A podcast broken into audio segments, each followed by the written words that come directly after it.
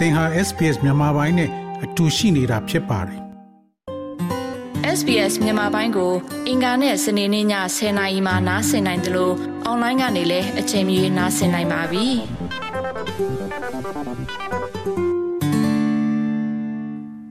သောရရှိမြခင်ဗျာဒီနေ့ဇွန်လ3ရက်နေ့ဟာမာဘိုနေ့ရဲ့နှစ်30ပြည့်နေ့ဖြစ်ပါတယ်။မာဘိုဒေးဟာဩစတြေးလျသည်တစ်ချိန်က မြည်သူမျှမပိုင်ကြောင်းအခိုင်အမာဆိုထားတဲ့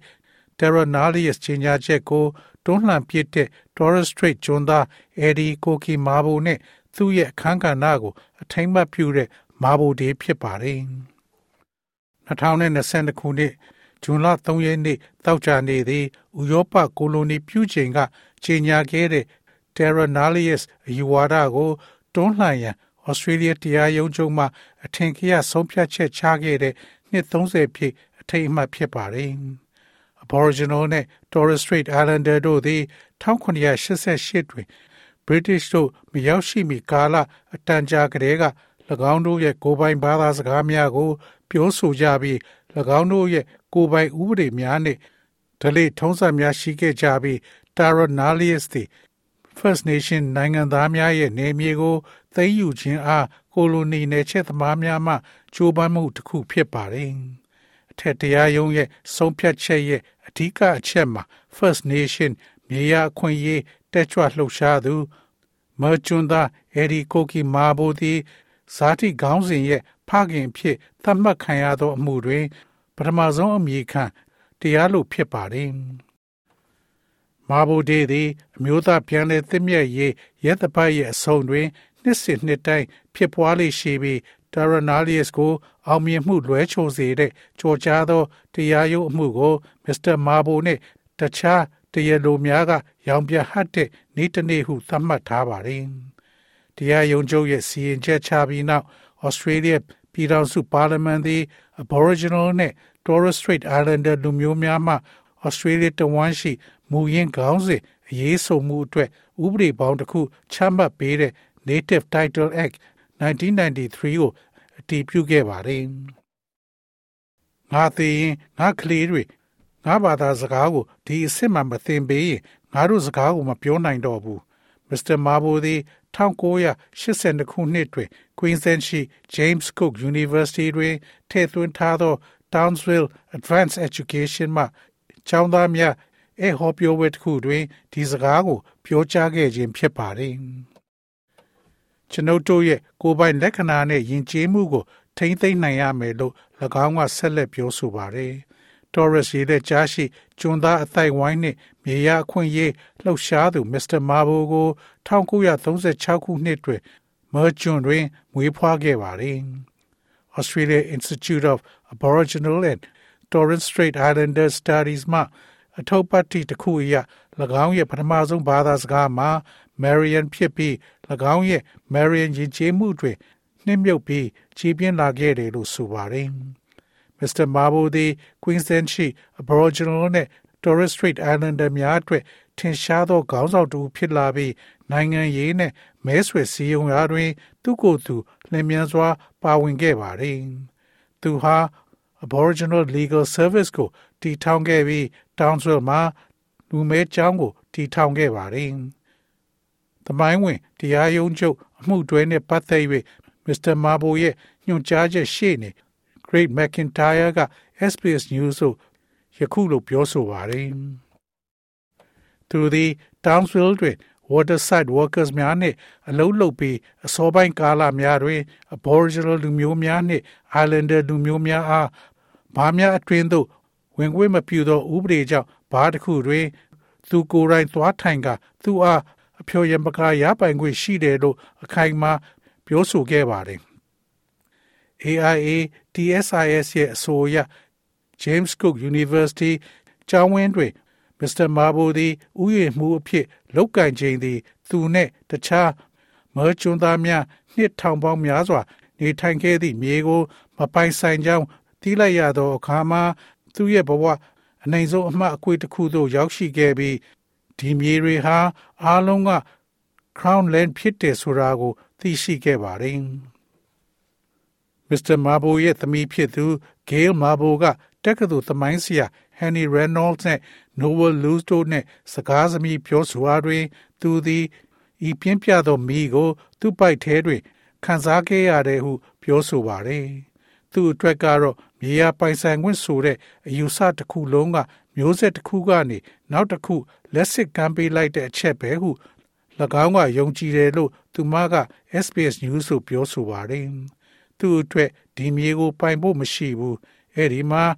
သူ့ပိုက်ထဲမှာတောက်လောင်နေတဲ့မီးကိုရသွားတယ်။သင်သိပါလား။ငါဒါကိုတိုက်မယ်။အဲ့ဒါကမမှန်ဘူးဆိုတော့ငါတို့မြေကိုငါတို့သားသမီးတွေလက်ထဲအနိုင်ခွင့်ရှိရမယ်။မစ္စတာမာဘိုသည်မာတွင် မြေယာပိုင်ဆိုင်မှုနှင့်ပတ်သက်လို့၎င်းရဲ့ပြည်သူများ၏ယုံကြည်ချက်နှင့်ပတ်သက်၍တက္ကသိုလ်တွင်မိန့်ခွန်းပြောခဲ့ပြီးရှေ့နေတူမှတရားရုံးများမှတဆင့်မြေယာလုတ်ပိုင်ခွင့်တောင်းဆိုရန်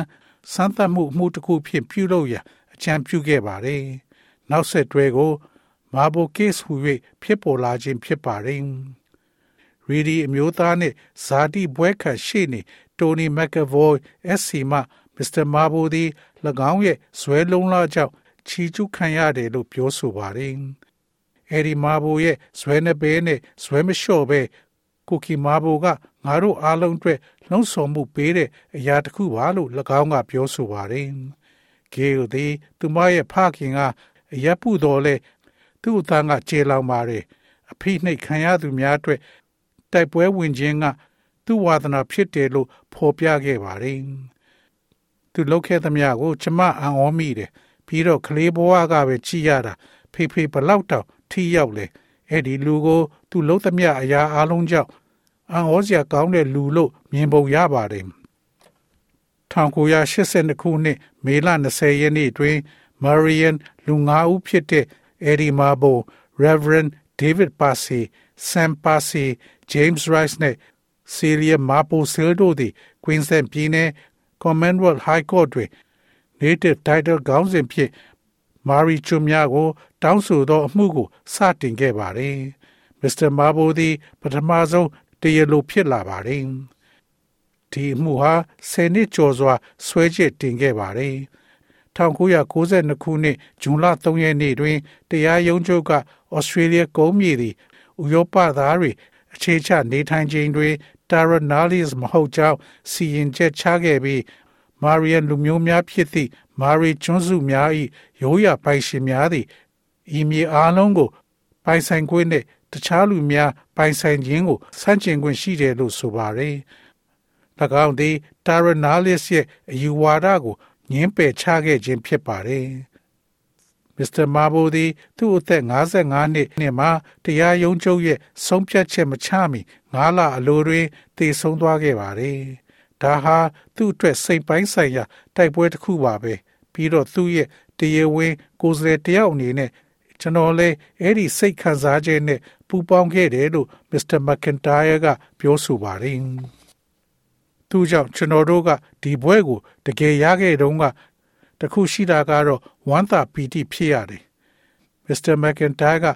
ပုံမချေပြန့်သောအသိုက်ဝိုင်းပေါ်သက်ရောက်သည့်ဆုံးဖြတ်ချက်သည်အလွန်ဂုဏ်ယူမိတယ်လို့ကျွန်တော်ထင်တဲ့သီးသာထင်ရှားသောအရာတစ်ခုဖြစ်ပါတယ်လို့ပြောဆိုပါတယ်။ထင်ကြရဆုံးဖြတ်ချက်ရဲ့နှစ်30ပြည့်မတိုင်မီတွင်မစ္စတာမာဘိုရဲ့မြေကေးလက်မာဘိုကမာဘိုဒေးကိုလူတိုင်းကျင်းပရနေ့တစ်နေ့ဖြစ်ပြီး Aboriginal နဲ့ Torres Strait Islander များသာမကလူတိုင်းဆင်နွှဲရမယ့်နေ့ဖြစ်ကြောင်း NITV သို့ပြောဆိုပါတယ်။အဲဒါကြောင့်ဒီနေ့ကို နိုင်ငံတော်အစိုးရရုံးပိတ်ရက်ဖြစ်လာအောင်တွန်းအားပေးလိုက်တာဆိုတော့ဌာနေတိုင်းသားတွေနဲ့ဌာနေမဟုတ်တဲ့လူတွေကအဲ့ဓာတွေကိုဘာအတွက်ကြောင်းလဲဆိုတာသိနိုင်မှာပါလို့ Caleb ကပြောဆိုပါတယ်။ Australia လူဖြူတွေက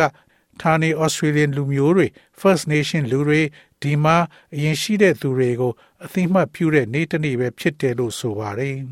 ။ Caleb ကသူ့အဖိုးရဲ့အောင်မြင်မှုတွေက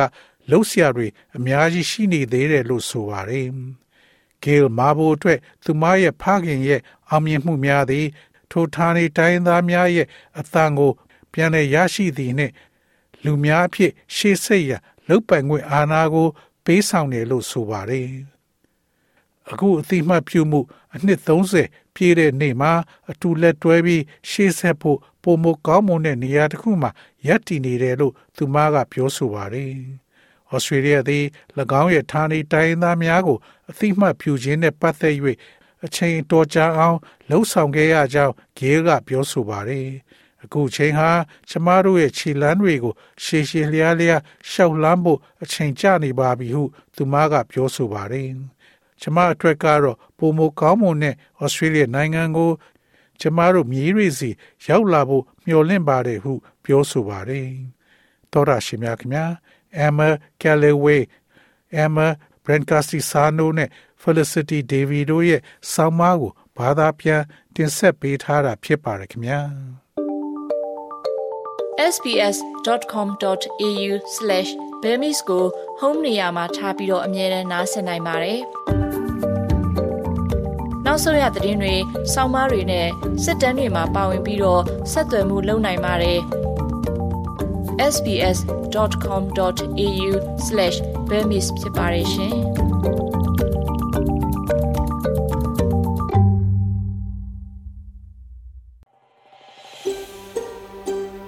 ဒါမျိုးသတင်းဆောင်မတွေကိုပိုနားဆင်လိုပါလား Apple Podcast Google Podcast Spotify တို့မှာသင်ပင်ရာဖြစ်ဖြစ်ရယူတဲ့ podcast ကနေပါ။